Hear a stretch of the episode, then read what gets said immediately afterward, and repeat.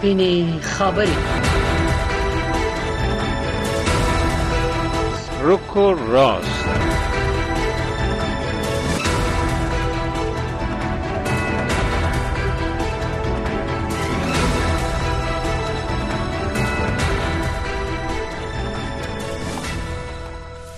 د سپین خبري را کراس خبرونه ډیرو قدرمن اوریدونکو درنو لیدونکو ستړي مشي روغتیا او سوکالیم د تلپڅیر له خدای غواړو پام دی هیله د نن شپې د روکراس سپین خبره د بحث موضوع در سره شریکو د ملګرو ملتونو د بشري حقوقو شورا کارپوهانو په یو خبر پاڼه کې په افغانستان کې د خزو او جنو وضعیت او په نړۍ کې د خزو په وړاندې مخفوزیاتیدونکو ډول غواخونو ته په کتنې ویلي. دغه وضعیت د غوښتنه کوي چې د جنسیت پر بنسټ تبعیض د بشریت پر ضد د جرم په توګه وپیژندل شي شمار از فعالان حقوق زن در افغانستان و ایران از چند پیش کامپین را آغاز کردند تا جامعه بین المللی تبعیض جنسیتی را بر رسمیت بشناسه و در محکمه بین المللی جرم شناخته شود. bale قدرمن اوریدونکو ولې د جرم په توګه د جنسيتي تبعیض پیژندل د بشري حقوقو د فعالانو لپاره مهم او د اهمیت وړ دي دا او نور ورته پوښتنې په خبرونه کې ملمانه ځوابي اما قبل از اینکه مهمانای محترم خدمت شما معرفی بکنیم با هم به تازه ترین خبرهای افغانستان منطقه و جهان گوش میدیم. سپس مهمانان را معرفی کرده و بحث آغاز می‌کنیم.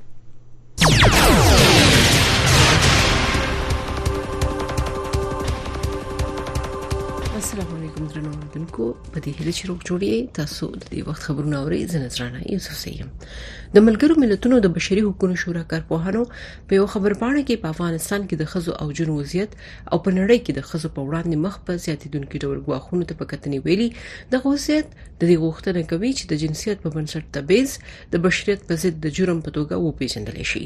د ملګرو ملتونو د بشري حقوقو شورا د سې شنبه په ورځ نه وخته فروری شلمه په یو خبر پاڼه کې د شورا د کارپوهانو له قوله ویلي چې د نړیوال ټولنې له خوا د جنسیت په بنسټ تبعیض د بشریت په ضد د جرم په توګه پیژندل به کېدې شي اوګد وخت اړتیا ولري. دغه کارپوهانو ویلي د جنسیت په بنسټ تبعیض یوازې د تیری یا قانوني جوړښت نه دی بلکې یو حقيقي ګواخ او په نړۍ کې د میلیونونو خزو او جنو د ژوند یو تاریخ حقیقت دی د طالبانو حکومت د عدلیه وزارت یو جګپوړي چارواکي رسنۍ ته ویلي دي چې د عکسونو اخیستل ګناه کبیره ده او خبريالان باید له دغه کار نه ډډه وکړي. د طالبانو د دعوت او ارشاد عمومي رئیس محمد هاشم شهید رور د سشنبه پورز فروری شلمه په کابل کې د عدلیه وزارت کارکونکو لپاره یو سیمینار ته د خبرې کړې دي. د طالبانو دغه چارواکي سمو د مخ کې ویلو چې نکټای چې نارینه په غاړه تړي د مسیحي صلیب نه خده او زیات اکړه چې باید لمنځه یوړل شي د ملګرو ملتونو پرمختیايي پروګرام د نړیوال بانک اروپايي ټولنې او د اسیا پرمختیايي بانک هرات کې د 13 2023م کال د اکتوبر میاشتې د زلزلو وروسته د خلکو د اړتیا او ارزونې په اړه یو رپورت کې ویلي چې د زلزلو زپلو سیمو او د خلکو د اساسي اړتیاو د پوره کولو لپاره 302 میلیون ډالر بودیجه ته اړتیا لري. افغانستان کې د ملګرو ملتونو مرستندوی پلاوی دفتر یو نامه د چهارشنبه په ورځ د دغو سلور نړیوالو ادارو د ارزونې موندنې خبرې کړې چې د خای په غزلزله کې. خلکو ته د 210 میلیون ډالرو مستقیم فزیکی زیان او 8.9 میلیون ډالر نور زیان رسیدلی دی دغه ګډه ارزونه PDNA په هرات ولایت کې د اساسي بنسټونو د بیا رغولې لپاره د 302.9 میلیون ډالرو بیړنۍ اړتیا غوښتنه کړې. د متحده ایالاتو د بهرنیو چارو وزارت ویان میتھیو میلر ویل چې طالبان یوازینی افغانان نه دي چې د افغانستان پر راتلونکو کې ونډه لري.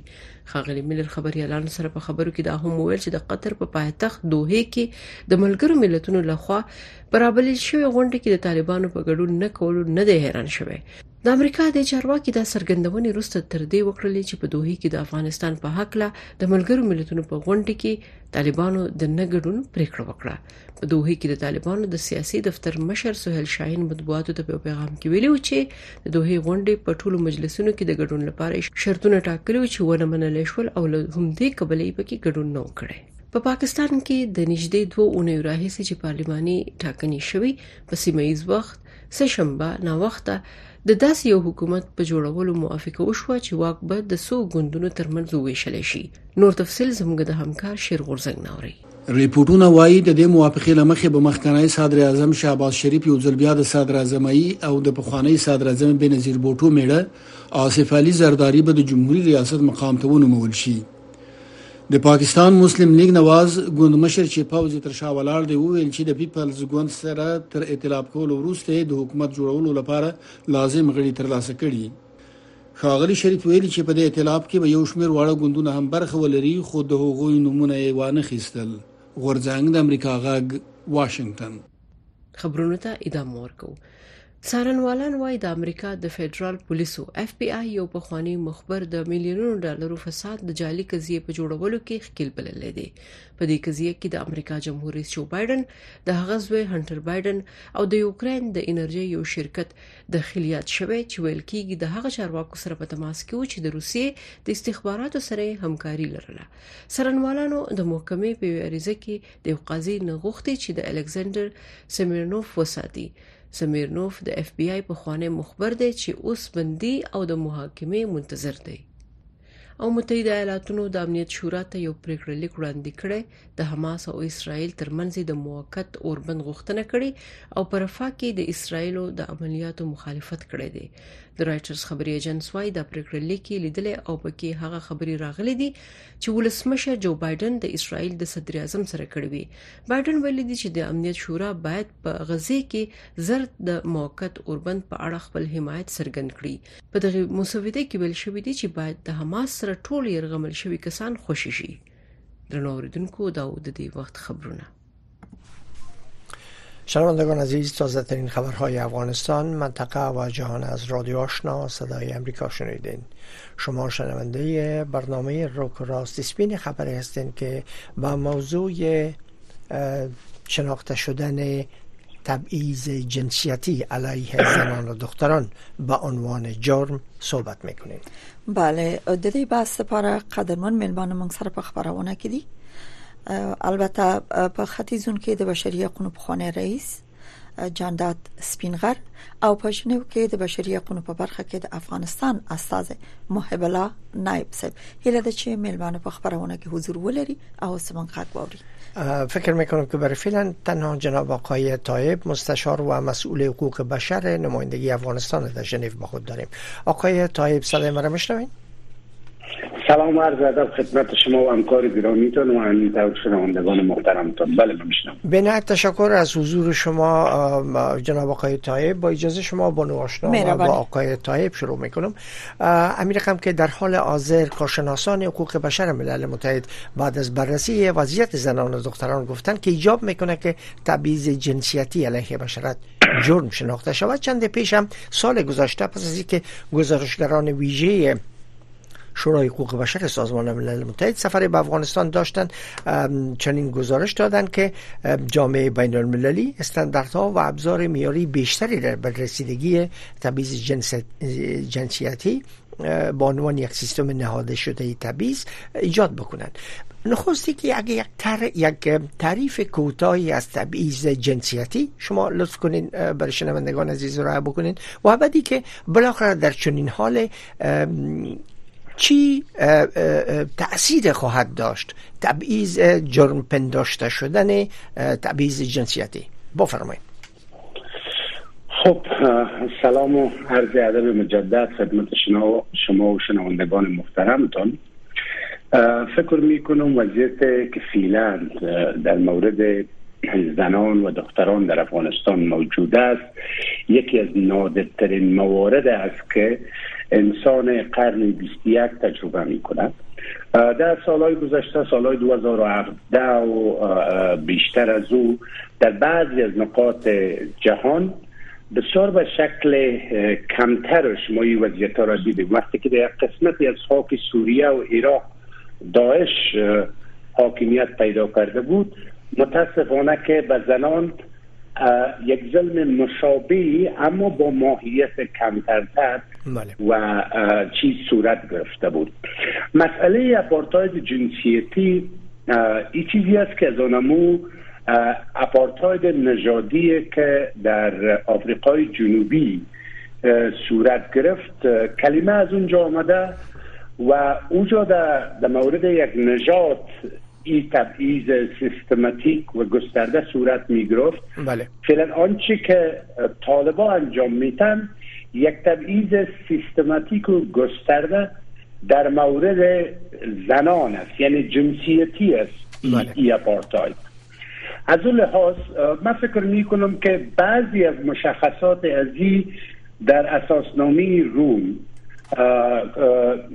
آمده codify شده به نام gender persecution ماده هفت اساسنامه روم در بند هش در مورد یک تبعیض سیستماتیک به نام gender persecution چیزایی را آورده و به همون اساس است که محکمه جزایی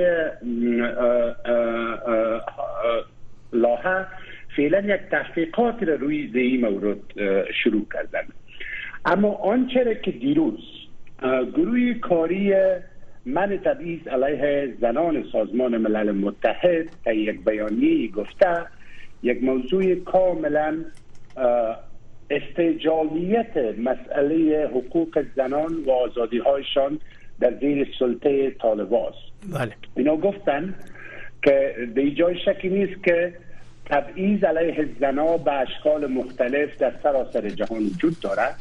اما آنچه را که طالبا با فرمان ها و با این سیستم دشمنی که با زن و دختر افغانستان انجام میده استجالیت در سازی اپارتاید جنسیتی را به عنوان یک جرم یک جرم مستقل در کنونسیون جرایم جنایات بشری که فعلا در مجمع عمومی سازمان ملل متحد در کمیته ششم روی اشکال جریان داره. اینا تقاضا کردن که این جرم انگاری شود و تا بتانه دولت ها و جامعه جهانی به اساس این موضوع رفتارشان در مقابل بله. گروهی که فعلا در افغانستان حاکم است و متاسفانه بر علیه زنان یک دشمنی را اعلان کرده رفتارشان مناسب با او بله. بله. بینه تشکر جناب آقای طایب سوال بعدی هم هست که در طول برنامه با هم مطرح می‌کنیم. بله امداشه به قدرمن سپین غر صاحب موږ سره په لاین کې د سپین غر صاحب زما غاوري مشه بله سپین غر صاحب زما غاوري ټول اوریدونکو ته وړاندې کور ودان. سپین غر صاحب تاسو به د ملګرو ملتونو د بشري حقوقو د شورا د کارپوهانو د ویډل د رپورت اتمن مطمئنم چې لوسته به می چې په افغانستان کې د خزو جنو او په نړۍ کې د خزو په وړاندې د مخفزياتیدونکو ډول باندې جنسيتي تبعیض چې کیږي او غوښنو سره د دوی د وضعیت مخ ده نو داسې غوښتنه شوې چې دغه وضعیت د جنسیت په بنسټ تبعیض د بشریت ضد د جرمونو په توګه باید و پیژندل شي. تاسو څه فکر کوئ د افغانستان د خزو د افغان خزو روان وضعیت ته پکاتو آیا امدغه وخت امده ایجابي ساسه له نظر چې تاسو په بشري حقوقو کې ډیر کار کړی دی؟ او د افغانستان بشري حقوقو لنځه هم څاري اوس. آیا وضعیت او وخت امدا ایجابي چې باید دغه تبعیض د جرم په توګه وپیژندل شي. زه فکر کوم چې تاسو ملمم ډیر ښه اشاره وکړلې اول خو د افغانستان د خزو پرابطه د افغانستان د خلکو او د افغانستان د ګټو پرابطه کوو هر لحظه ضرور ده چې د مسلې ته رسیدګي وشي او په نړیواله کچه د څه تفاهم رامنځته شي چې هغه وشي کوله دغه ناوړین چې اوس په افغانستان کې دی چې د خزو د حقوقو پر رابطه باندې کوم ظلم او تعالی روان ده د دې مخاوني ولشي دا به بهتره وي. څومره زر چې ممکن وي. خو زه ډیر خوشبینه نیم چې دا کار به ضرور شي سره د دې چې د دغه کارپوهانو دغه نظریه یا دغه مسایل چې راپورته کړی دي کولای شي هڅون کې وسی هدي اقل هغه نور سازمان چې په دې رابطه کار کوي یا ملل متحد کې. هغه طرفدار د خزو حقوق طرفدار ډلې چې دي لابي کون کې چې دي چې هغه یو هڅه چې نورم په حساب په دې رابطه باندې کار وشي. او بل اخره کوم ملل متحد کې د پرمختګ نور وشي په دې رابطه باندې او په طالبانو باندې فشار زیات شي. نو دا هڅون کې دا خو بله سپین کې به نتیجه ورکړه بله. بله. تاسو هم خوشبینه نه چې په لاند محل کې به د د جرم په صفات د جنسي تبعیض پیژندنه یو څه نتیجه ورکړي کچیرته په ځای یا دولتي قوانینو کې د حکومتونو زه ونه لري چې باید خزه موقف او زه چیرته ده او خپل هوادونه ورته توجه ونکي فکر کوي ک ملګر ملتونو د بشري حقوقو شورا دا فیصله مو کې ټول دنیا مور سره ومني. د خزه وضعیت ته تغییر ورکول شي؟ نړۍ د خزه وضعیت ته تغییر ورکول شي دغه ثبت شي. په نړیوالو قوانینو کې دا تدوین شي ثبت شي په ملګرو ملتونو کې وضعیت بدلول شي خو ډیر اتمن تاثیر لري. خو طبيعي ده چې بعض تاثیرات ډیر انی نه وي. هغه سرغړون کې هوادونه چې لکه دغه کم فیصله چې کې ملل متحد کې یا دا فرض کې د خزو په وړاندې تبعیض د یو بشر حقوق ضد جرم پایس پر رسمیت پیژندل شي. نو طبيعي ده چې د فتن خو به کاثرات نم لري خو وخت چې دا مسله کیږي د بشر د حقوق نړۍ والا ملل متحد شورا کده یا نړیوال سازمانونه دي. هغه په سیمه کې په هوادو کې د مزید وضعیت ساري او د امدغه په استناد باندې بشر د ملل متحد مجبور کیږي چې په زرغړونکو هوادونو باندې هغه کوم معاهدات چې دي یا جزاګانی چې دي هغه د تحریم دي هغه اقتصادي تحریم دی یا نور فشارونه دي هغه په لازیت کاندي او مکلف دي خدای یو پروسه ده یعنی په اني توګه طبيعي ده چې که دا اوسم دا کار وشي تصویب شي د د جرم پایس پر رسمیت مو پیژندل شي شاید د فتن نه د تطبیق ابزار وسایل او سازمانونه اورګانونه باید رامنځته شي چې هغه بیا په دې رابطه کار وکړي. خو په هر حال دا په ټول ټال کې د نړۍ د خزو د پاره یو یو غټ پرمختګ کې دی شي کچيري د خزو په وړاندې د حقوقو په وړاندې تبعیضامي زبرخورد دا یو د بشر ضد جرم وګڼل شي. دا په نړۍ کې یو پرمختګ دی چې کولای شي ځان د افغانستان کې نه په نور نړۍ کې هم د خزو د حقوقو د وضعیت بهبود کې نقش ولوبي او کچېري سرغړونکو هیوادونه سازمانونه دغه په ضد باندې نړیواله نړیوال پیک پریکړې وشي نړیوال فشارونه رامنځته شي. یعنی په ټول ټال کې د خوځو د لپاره ګټور تمامېږي. بله. تشکر جناب آقای سپینغر. آقای طایب همین رقم که آقای سپینغر فرمودن. خب این مسئله زمانگیر است که آپارتاید جنسیتی به عنوان جرم در محکمه بین المللی شناخته شود. خب تا او وقت تلاش های ادامه داره. رقمی که شما می‌فهمین فقط یکی درست پیش نشست به میزبانی آقای گوترش منشی ملل متحد در دوحه برگزار شد که دو با وجودی که دعوت شده بود طالبا حضور نیافتن. این به این معناست خب که اونا در موقف سختگیرانه خود همچنان باقی مانده و کوچکترین تغییر نامده. در حالی که فشارها روی حکومت طالبان برای پذیرفتن پیشنهادات جامعه جهانی از یک طرف هست و تلاش های فعالان حقوق بشر و سازمان حقوق بشر و کارشناسایش از طرف دیگه هست فکر می‌کنیم که این همه چی تاثیر خواهد کرد بر حکومت طالبان؟ نه اول خدمت شما از کنیم که طالبان حکومت نیستن بله.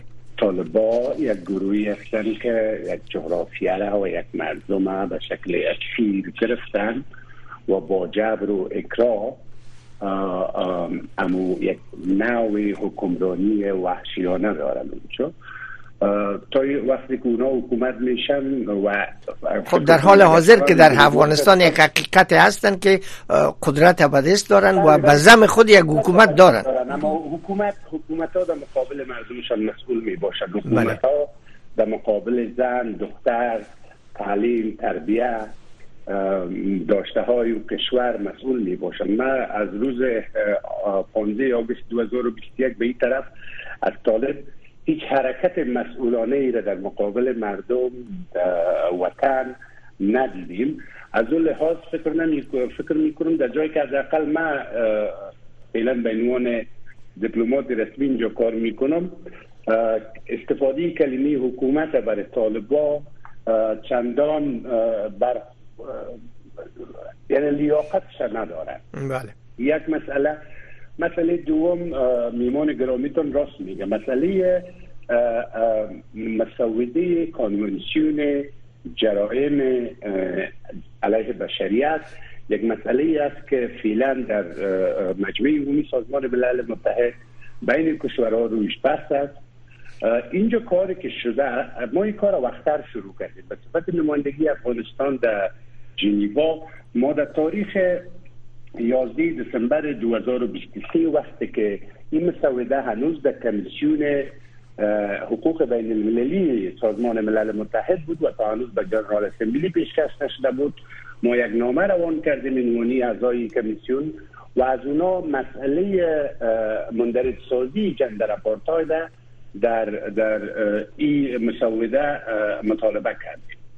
کار خوبی را که گروه کاری جدید روز سهشنبه انجام داد شما خبر دارین که رئیسی گروه کاری در یک ماموریت مشترک با گزارشگر ویژه سال قبل یک گزارش مشترک به شورای حقوق بشر ارائه کردند سفر داشتن به افغانستان و بعد در یکی از پیشنهاداتشان مسئله واکاوی جندر اپارتاید در افغانستان با در نظر داشته سیاست طالبا در مقابل زنان و دختران تا اونجا پیشنهاد شده بود. امروز اینا بعد از تحقیق زیاد دیروز. به این نتیجه رسیدن که خوب وقتی که امی سند حقوقی قرار است تدوین شوه فرصت خوبی است که ما جهان با جرم انگاری جندر اپارتاید زنان جهان تقویت بکنیم. اگر یادتان باشه در کشوری که شما زندگی می‌کنین یک عمل پلیس که باعث کشته شدن یک فرد سیاه شد. بله. شورای حقوق بشر به خاطر از او یک نشست اینجا برگزار کرد و برای از او یک مکانیزم نظارتی ایجاد شد تا خشونت بر علیه سیاپوستا را در سراسر جهان نظارت بکنم. بعضا بعضی وضعیت ها باعث از این میشه که تمام مردم دنیا به یک شکل از او منفعت ببرن وضعیت شدید و سیستماتیک زنان و دختران افغانستان زیر سلطه طالب باعث از این میشه که مسئله اپارتاید جنسیتی جرمنگاری شود و من فکر می‌کنم که درست است که درد زیر زن و دختر ما کشیده و جرمنگاری ای پدیده باعث از این میشه که همین وضعیت افغانستان به تمام زنان جهان یک خدمت خوبی را بکنه که در هیچ گوشه جهان خدای نخواسته هیچ وقت. زن و دختر مثل که فعلا در افغانستان مورد تبعیض قرار گرفتن مورد تبعیض قرار نگیرن من نه نه نایب صاحب. سپین غر صاحب او د طالبانو اوسنی دریسته په کتو. د نړۍ اصرار او د طالبانو دریس ام دې اصل ته په کتو. څه فکر کوي چې کداغه حل زله ام د سه دوام وکي او د نایب صاحب خبره چې دا کار وشي نو د افغانستان د خزو وضعیت ته پکاتو کدا کار وشي نو دا به د نړۍ خزو د پاره یو غټ خدمتي په داسې حال کې چې طالبان حد اقل د دوه غونډه ته په دې پالما چې گویا یا په دې باندې چې گویا تل د مدني ټولنې یو څلور غړي چې خزینه غړي دي تل دي دوی په نړیواله ناسه کې نکینی لبل لوري خپل د طالبانو چارواکي وی چې خزو تفوق العاده د عزت ژوند اوس په افغانستان کې برابر دي او ټول حقونه اعاده دي. ندا محمد ندیم دا 13 ورځ دا خبره کړې ده.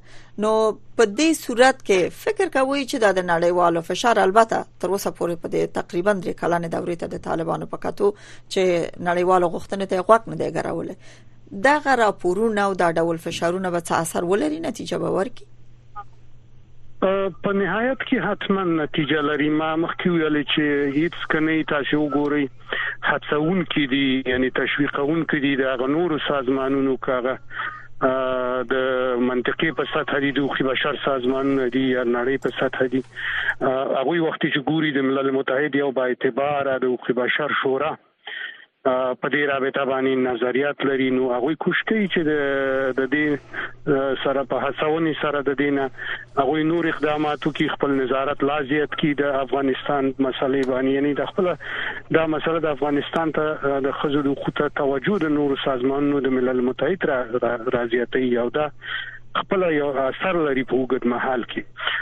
د بلې خوانه د سید لکه څنګه چې د سویل طالبانو متاسفانه په دې پویدل چې په نړیواله کچه باندې هغه واضح قوانين نشته دي چې کدوې د خزو په وړاندې تبعیضي برخورد کوي نو په مقابل کې باید دنیا د دوی په وړاندې ډیر جدي اقدامات وکړي د امدي وجنه دوی په اصطلاح خزي هدف وګرځولي او تر اوسه پورې بندیزونه او تبعیضامیز برخورد زیات کړي نو اوس نړۍ بیدار شوې ده پویږي چې قوانين موجود نه وي نړیوال سازمانونه خو به د قوانینو او کار نشي کولای فشار نشي راوړي نو یو شی باید موجود وي چې په د بیلګې په توګه کوګوري دغه مسله اختیام د جرم په اسماني بشري ضد ضد جرم په اسماني په رسمیت پیژندل شي. د یو خانه خو به د ملل متحد خلاص خلاصي او چې کولای شي د مختلفو لارو نه په لازم فشارونه په حکومت باندې طالبانو د دوی په مشرانو راوړي.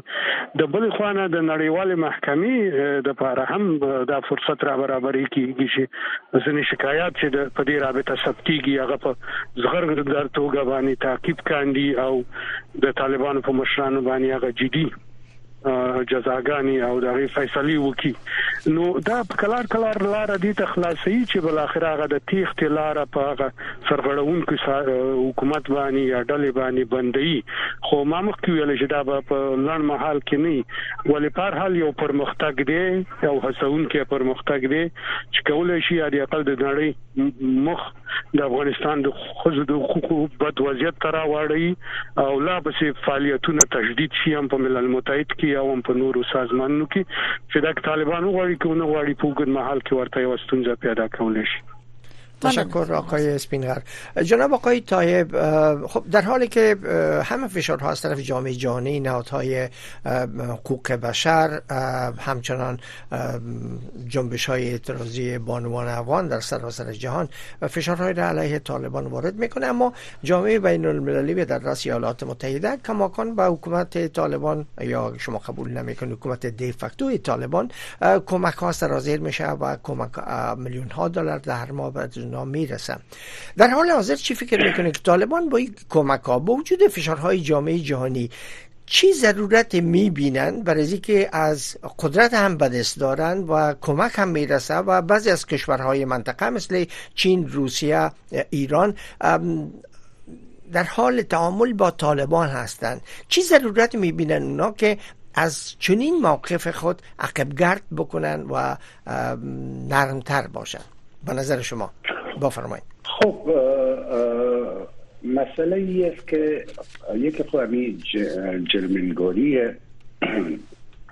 مسئله اپارتاید جنسیتی خدا کنه که پروسه سریعتر شود بله. باعث از این میشه که شما تصمیم گیرنده های این تبعیض سیستماتیک از طریق محاکم بین المللی و حتی از محاکم ملی بعضی کشورها مورد تعقیب و پیکر قرار بده بله. که یک مسئله امو جرمی مسئله است و بسیار گپ خوب میشه و من امیدوار هستم که پروسه سریعتر و خوبتر شود که بتانیم جلوگیری بکنیم از از وخیمتر شدن هر روز وضعیت و متاسفانه همه روزه دخترای جوان افغانستان بله. خودکشی می‌کنن به خاطر که هیچ آینده نمی‌بینن در زیر سلطه طالبان یک مسئله. مسئله دوم متاسفانه که نظم بین المللی امروزی کشورها به عنوان بازیگرای اصلی آنچه را که به عنوان ارزش های حقوق بشری و اینا مخصوصا برای خودشان یا تلاش می‌کنن در بعض نکات دیگه جهان متاسفانه در این موارد قدر حساس نیستند. شما مثال خوب فرمودین از آگوست 2021 به این طرف متاسفانه به نام کمک های بشری طالبا به یک شکل تمویل میشن و من فکر می‌کنم که اگر این کمک ها نمی بود این مطمئن هستم که مردم افغانستان با دستای خالی قدرت پس از طالب می‌بینم اما به یک شکل طالبا تمویل میشن و زمین سازی دوام سلطه مطلق گراییشان توسط امی, امی کشورها میشه. او هم در, در سطح دو جانبه. شما چین ببینین؟ حتی ایالات متحده امریکا در بعض موارد حتی دیروز شما در شورای امنیت یک مشکل دیگه در یک منطقه دیدیم. یک, بله. قتل عام جریان داره. یک قطعنامه پیشنهاد میشه برای که آتش بس صورت بگیره یک کشوری که بیرقدار حقوق بشر از قطعنامه رو ویتو, ویتو میگن بله. از اون لحاظ از اون لحاظ من فکر می‌کنم که مسائل امی حقوق بشری وقتی که سیاست های کشورها چی می‌کنن؟ وزن ازی مخصوصا که مخاطبی حق جوامی دیگه باشه بسیار وزنش کمتر میشه و تا سیاست های اصلیشان اما ما مردم افغانستان ما نیاز داریم که این مجادله را ادامه بدیم. ما نیاز داریم که من می‌فهمم طالبا او رقمی که آقای خلیلزاد و اینا در جریان مذاکراتشان و پس که سفر می‌کردن به کابل و می‌گفتن که طالبا یک یک مردم های جدید هستن اینا تغییر کردن. اما دو, دو سال و چند ماه نشان داد که طالب به مراتب بدتر شده.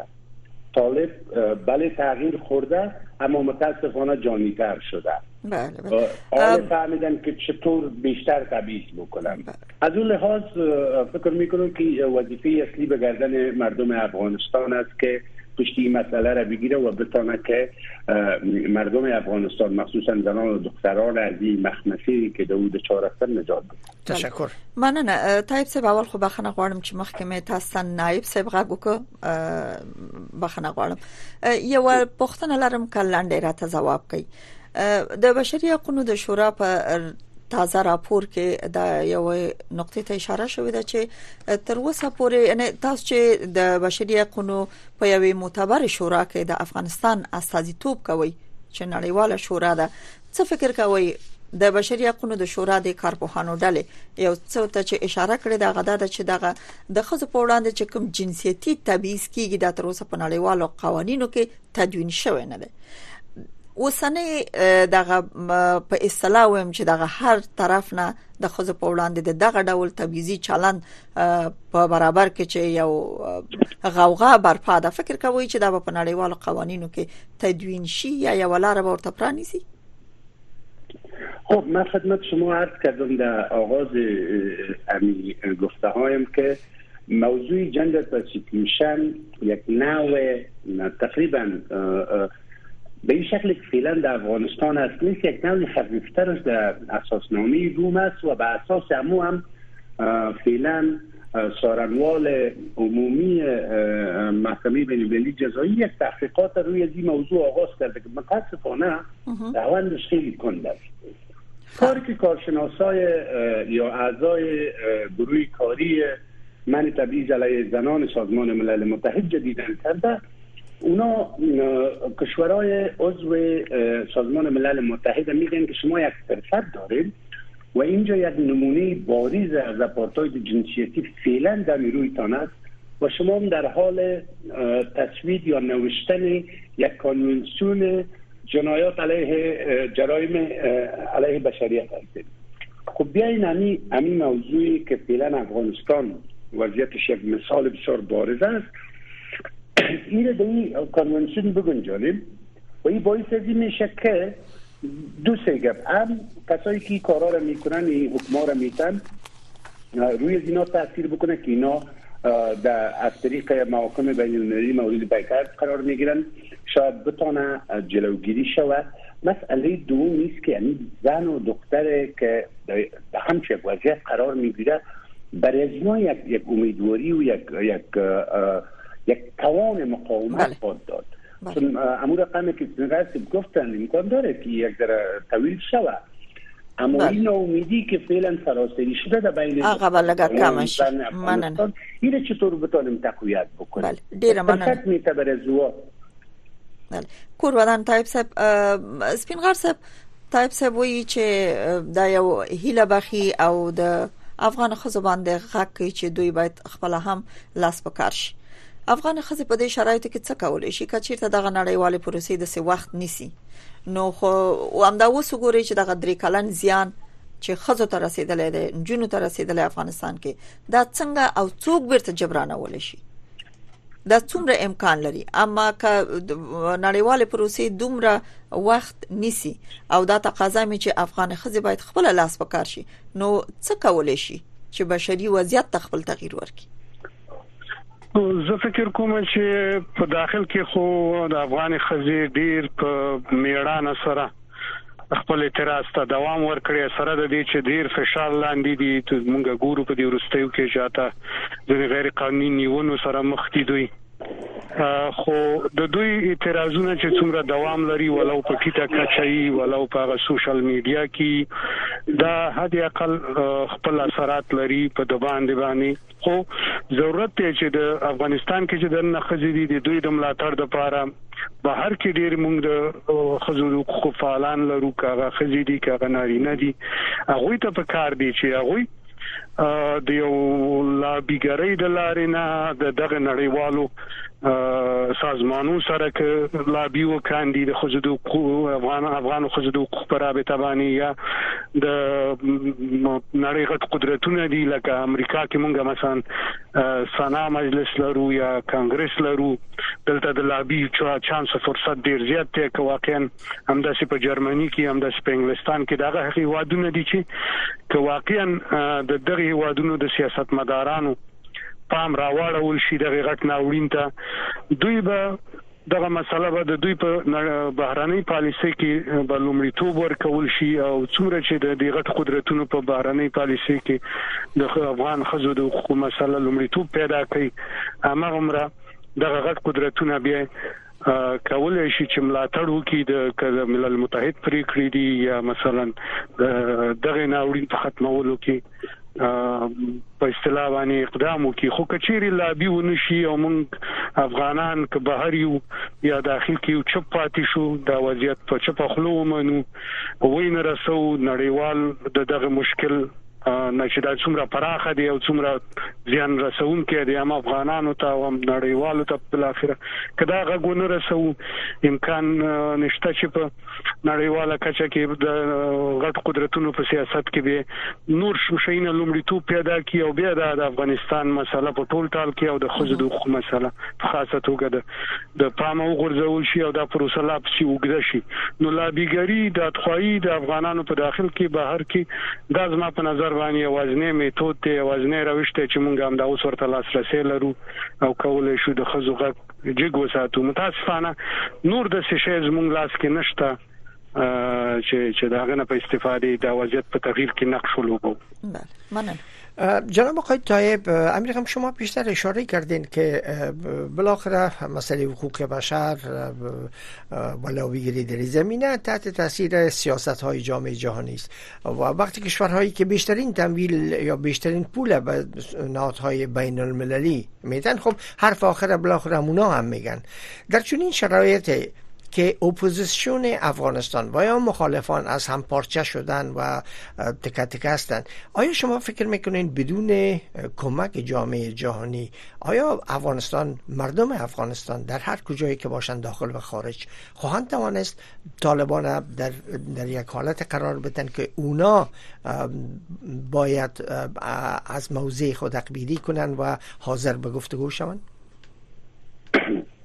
اجازه بدین قبل از اینکه به پاسخ سوال شما بپردازم در قسمت پاسخ به سوال همکارتان یک مورد تصحیح کنم. است که امی اگر قرار شود یک صفحه جدید و بازتر با آزادی های بیشتر برای مردم افغانستانی بار باز شود میره باور بکنیم که اولین مبارز راه یعنی زنان افغانستان خواهد بود بله. چون اینا با شهامتشان و ایستادگیشان در مقابل جبر و وحشت که طالب در روی سرکار داره نشان دادن که از حقوقشان دفاع می‌کنن و در برابر از او حاضر هستند که هر سختی را بپذیرن من هدف می بود که ما کسایی که از جامعه افغانستان هم در مورد دادخواهی هم در مورد حقوق بین الملل هم در مورد دسترسی مان به نهادها و سازمان ها توانایی داریم. باید دست یکی بکنیم و این پروسه را سریع بسازیم که جرم انگاری شود تا بتانه اگر در کوتاه مدت نشد بعد از یک مدت زمان جلوگیری بکنه از این وضعیت که زنان و دختران وطن ما شما دارن. این یک مسئله شما دقیق میگن اگر جامعه افغانستان زن و مردش کسایی که می‌خواهند در سایه آزادی حداقل دارای حقوق و مسئولیت های تعریف شده یعنی حاکمیت قانون این جنا اما جبهیشان را تقویت نکنن یک جای نشوند صدایشان یکی نکنن مطمئن باشین که تاثیر گذارشان به مراتب کمتر است. چون زبانی که طالب می‌فهمه متاسفانه زبان این مسائل نیست که ما صحبت می‌کنیم. پس کسایی که آزادی می‌خواهند کسایی که می‌خواهند که در زیر یک نظام با حکومیت قانون زندگی کنند کسایی که می‌خواهند حق تعیین سرنوشت داشته باشند کسایی که می‌خواهند اولادشان زن و بچه پسر و دخترش به مکتب بره به یک سویه تحصیل ببینه و کسایی می‌خواهند که در سرنوشت وطنشان گپ داشته باشند در تصمیم گیری مشارکت داشته باشند. اینا هر کی که هستن باید هر چی زودتر دست با دست هم بتن و در مقابل این وحشت که در این وطن روان است از یک جای صدا بلند بکنن. همین جامعه جهانی هم بفهمه که این طرف دیگه کی است. خب یک طرف خود طالب است که در نشستم دعوت میشنن این طرف دیگه که یک آدرس مشخصه که ما باید صحبت بکنم کی است بله. متاسفانه که کسایی که دم از مخالفت با طالبا می‌زنند در طول دو سال نتونستن که یک آدرس تشکیل بتن و یک صدای واحد داشته باشند در مقابل آنچه که در وطن جریان داره. با او اساس است که طالب هر روز بیشتر جرأت می‌گیره با او اساس است که طالب هر روز بیشتر ظلم می‌کنه این باور بکنن که اگر طالب یک صدای با قوت مخالف بشنوه من مطمئن هستم که به خیلی چیزا تن در میته اما اونا دیده که با یک جامعه روبروز که تیتو پاشان است از هر کله یک صدا میبراید. با که وقتی ببینی خواستا همگیش یک چیز است اما هیچ کدام از اینا در اطراف یک میز جمع شده نمی‌تونن. از اون لحاظ است که هر روز امو, امو ظلمش هم بیشتر میشه و جدی نگرفتنش هم بیشتر میشه. فکر می‌کنم این گپا باعث میشه که امی وضعیت ادامه پیدا کنه. در غیر از او طالب یک اقلیت کوچک یک واقعیت کوچک افغانستان است. اما طالب نمی‌تونه که فکر بله. دیوبندی بیاره به تمام 35 میلیون انسان افغانستان تطبیق بکنه این روز اگر شما فردا ناشده نیست ما مطمئن هستم که مردم افغانستان زن و مردش در مقابل این اعمال استاد میشن اما متاسفانه مردم افغانستان اما تکیگاهی را نیافتن که به او بله. دل ببندن و به مخالفت علنی بکنه ډیره مننه طيب صاحب بیرته تاسو سره ګرځو د خبرونه ورسته شي بي فقط هر مل مدرینی مدرینی دقیقه وخت لري چې پښتنه جواب کې دی ورسته پښتنه په توګه. سپین غر صاحب افغانستان د بشري حقوقو د شورا کنونسیون لاسلیک کړی دی. او ځنه مواردو کې افغانستان حکومت که هر څوک په راس کې مکلفیت لري چې نړیوال قوانين او اصول مراعات کړي او ځان مسول وګڼي د ځنو نړیوالو مسایلو په وړاندې. څه فکر کوي چې اوس چې په افغانستان کې دغه رقم وضعیت دی؟ البته افغانستان یوازې د طيب صاحب د وینا لقراره چې یو حق یو ډله چې د حقیقت په توګه منل شي وړه ډله هغه د طالبانو خو ټول افغانستان طالب نه دی. او دا یو هیواد دی چې د نړیوالو په وړاندې مسولیت لري. همدغه مسولیت ته پکاتو نړیوال به کم فشارونه راوړي.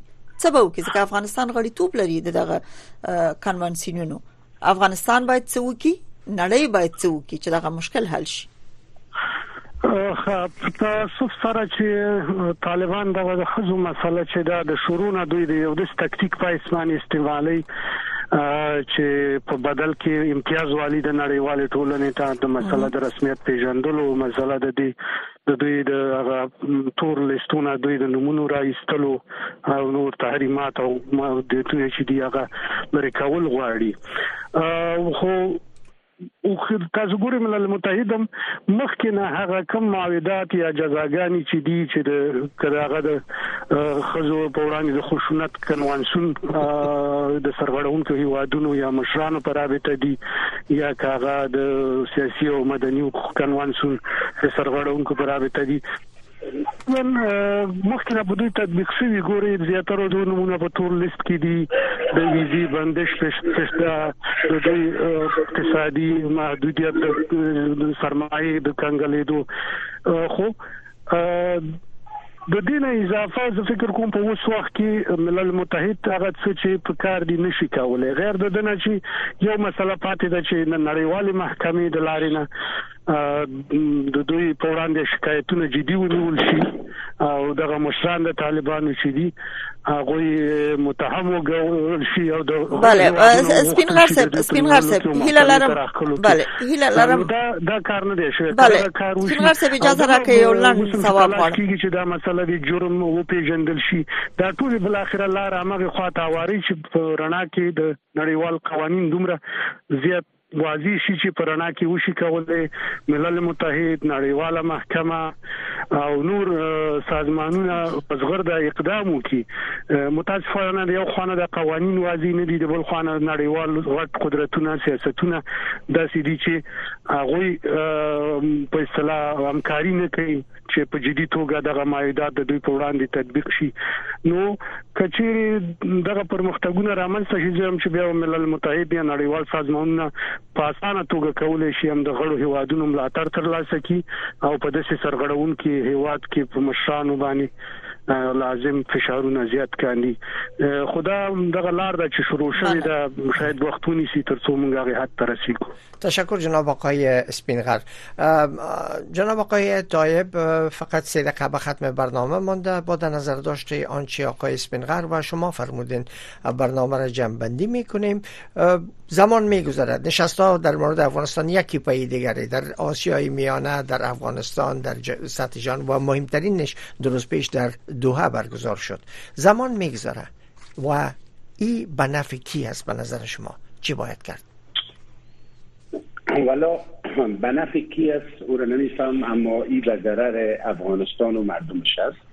یک نسل از افغانستان فعلا از تحصیل از تعلیم باز مانده. و متاسفانه اونایش هم که فرصت تعلیم و تحصیل پیدا می‌کنن با کوریکولم و با مفردات درسی که طالب بر از او ما امیدوار نیستم که بتانیم چیزای خوبی امیدوار باشیم که یاد بگیرن. یک مسئله کسی که ضرر می‌کنه مردم افغانستان و افغانستان است. کسی که مفاد می‌بره به نظر من چهار تا ملایی است که در رأس تصمیم گیری و قدرت طالبا قرار داره که اینا همون فکر اندیشی بدویشانه تلاش دارن سر یک ملت که نو به پای استاده شده بود و می‌خواست قدم برداره مثل سایر ملل دنیا زندگی بکنه. بر از اونا با زور و جبر و وحشت تطبیق داره مسئله دیگه مسئله مفاد چند یکی داد از کشورهایی هستند که از از خلاقه های می‌خوان استفاده بکنن. بعض تجارت های پرسود را به پیش ببرن و به همین ترتیب بعضی از مفاد, مفاد کوتاه مدت بردی گفته میشه. چون من مطمئن هستم که حاکمیت طالب و ذهنیتی که گروه داره به زودی دامنگیر کشورهای دیگه میشه و و در دراز مدت اونا ضرر این موضوع را مثل که ما حس می‌کنیم فعلا و, و به جگر می‌کشیم این کشورها هم حس می‌کنن چون در اطراف افغانستان تمام این کشورها پتانسیل برای برای جای گرفتن همین فکر بدوی دارن. از از از ازبکستان و تاجیکستان شروع تا پاکستان و ایران و حتی چین در همین سرحد که با با ما و شما داره متاسفانه آسیب پذیر هستند. از او بابت من فکر می کنم که برای برای فعلا یک تعداد از اینا به این فکر هستند که به مفادشان است تا به دوامی حالت تا جای کمک بکنن. اما اما در دراز مدت اونا هم ضرر می‌بینن. امیدوار هستیم که به زودی جامعه جهانی یک اقدام در خور وخامت اوضاع مردم افغانستان بکنه که بازی طور نشود که یک دبل استاندارد معلوم شود. اگر مردم افغانستان ما در این شرایط ناامید زی بکنیم که وقتی که به صورت سیستماتیک گسترده حقوق ما توسط یک گروه مسلح وحشی نقض می شد این جهان با تمام یعنی میکانیزما و اسناد حقوق اسناد و کانونسیون و اعلامی جهانی حقوق بشر خاموش ماندن. بعد امو, امو دلبستگیشان هم به این مسائل هر روز کمتر میشه. از اون لحاظ ما هم روزه اینجا از شورای حقوق بشر از کشورها یک چیزی را می‌خواهیم که در تمام مراوده و داد و زان امی حقوق بشری و حقوق اساسی مردم افغانستان در اولویت لیستتان قرار بتین باور بکنین که طالبا امروز نی فردا خانه میشه اگر شما به اندازی و طالب فکر کنید که سازمان ملل متحد بله. گفته که دخترایی که اهل افغانستان هستن نمی‌تونه در شما کار کنه و اینا هنوزم رفتن گفتن که نه ما با وسیلی هم کار می‌کنیم در افغانستان. بله تشکر آقای از مثال های دیگه بله. خدمتتان بتون اما اما قسمی که گفتم مفادش بسیار کم برای یک پیراد اگه خاط رسید. بله و ضررش برای مردم. هر روز ضرر می‌کنیم. بله, بله از دو مهمان محترم جناب آقای طایب و جناب آقای اسپین جان سپاس که در برنامه با ما بودن. و نظر خود با ما و شنوندگان قسمت کردن. وقت خوشی برای هر دو مهمان محترم تمنا داریم. حالا هم اخباری ساعت.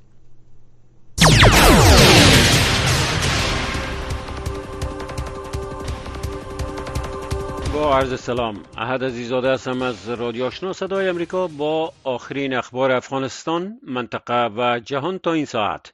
کارشناسان شورای حقوق بشر سازمان ملل متحد در خبرنامه به بررسی وضعیت زنان و دختران در افغانستان و افزایش تهدیدات علیه زنان در جهان پرداخته و گفته است که این وضعیت ایجاب می کند که تبعیض جنسیتی علیه بشریت به عنوان جرم شناخته شود.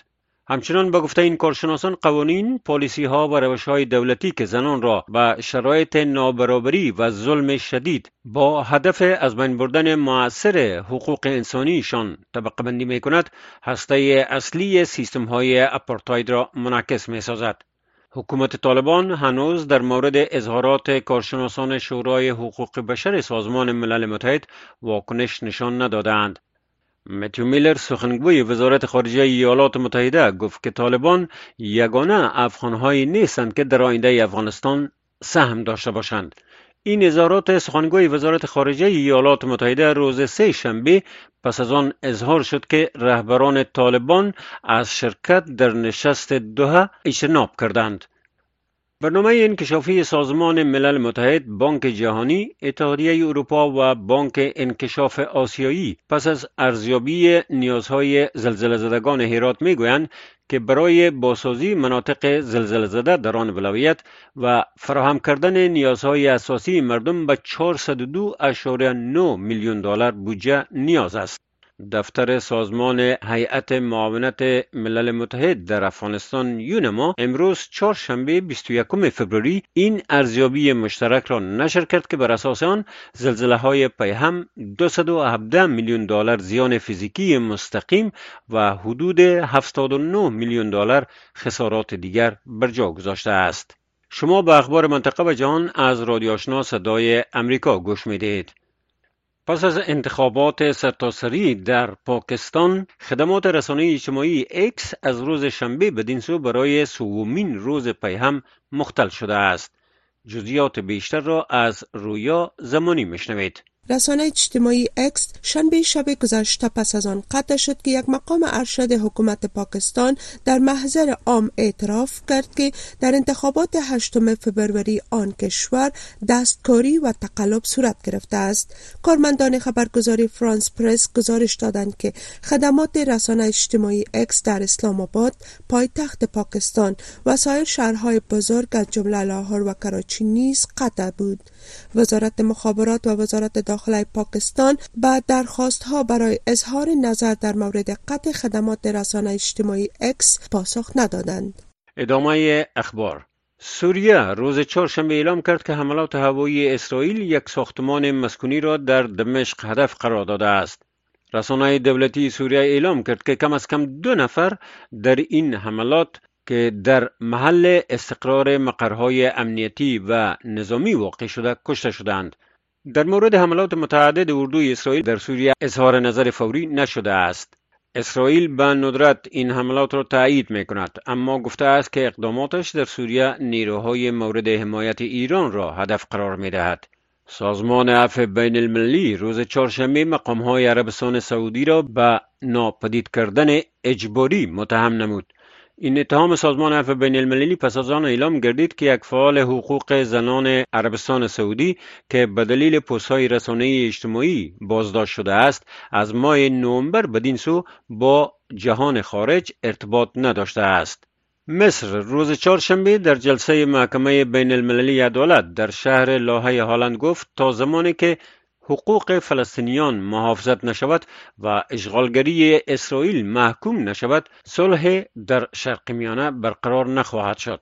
مجمع عمومی سازمان ملل متحد در سال 2022 از محکمه بین المللی عدالت درخواست نموده بود تا نظر غیر الزام آور درباره پیامدهای حقوقی اشغال صادر کند.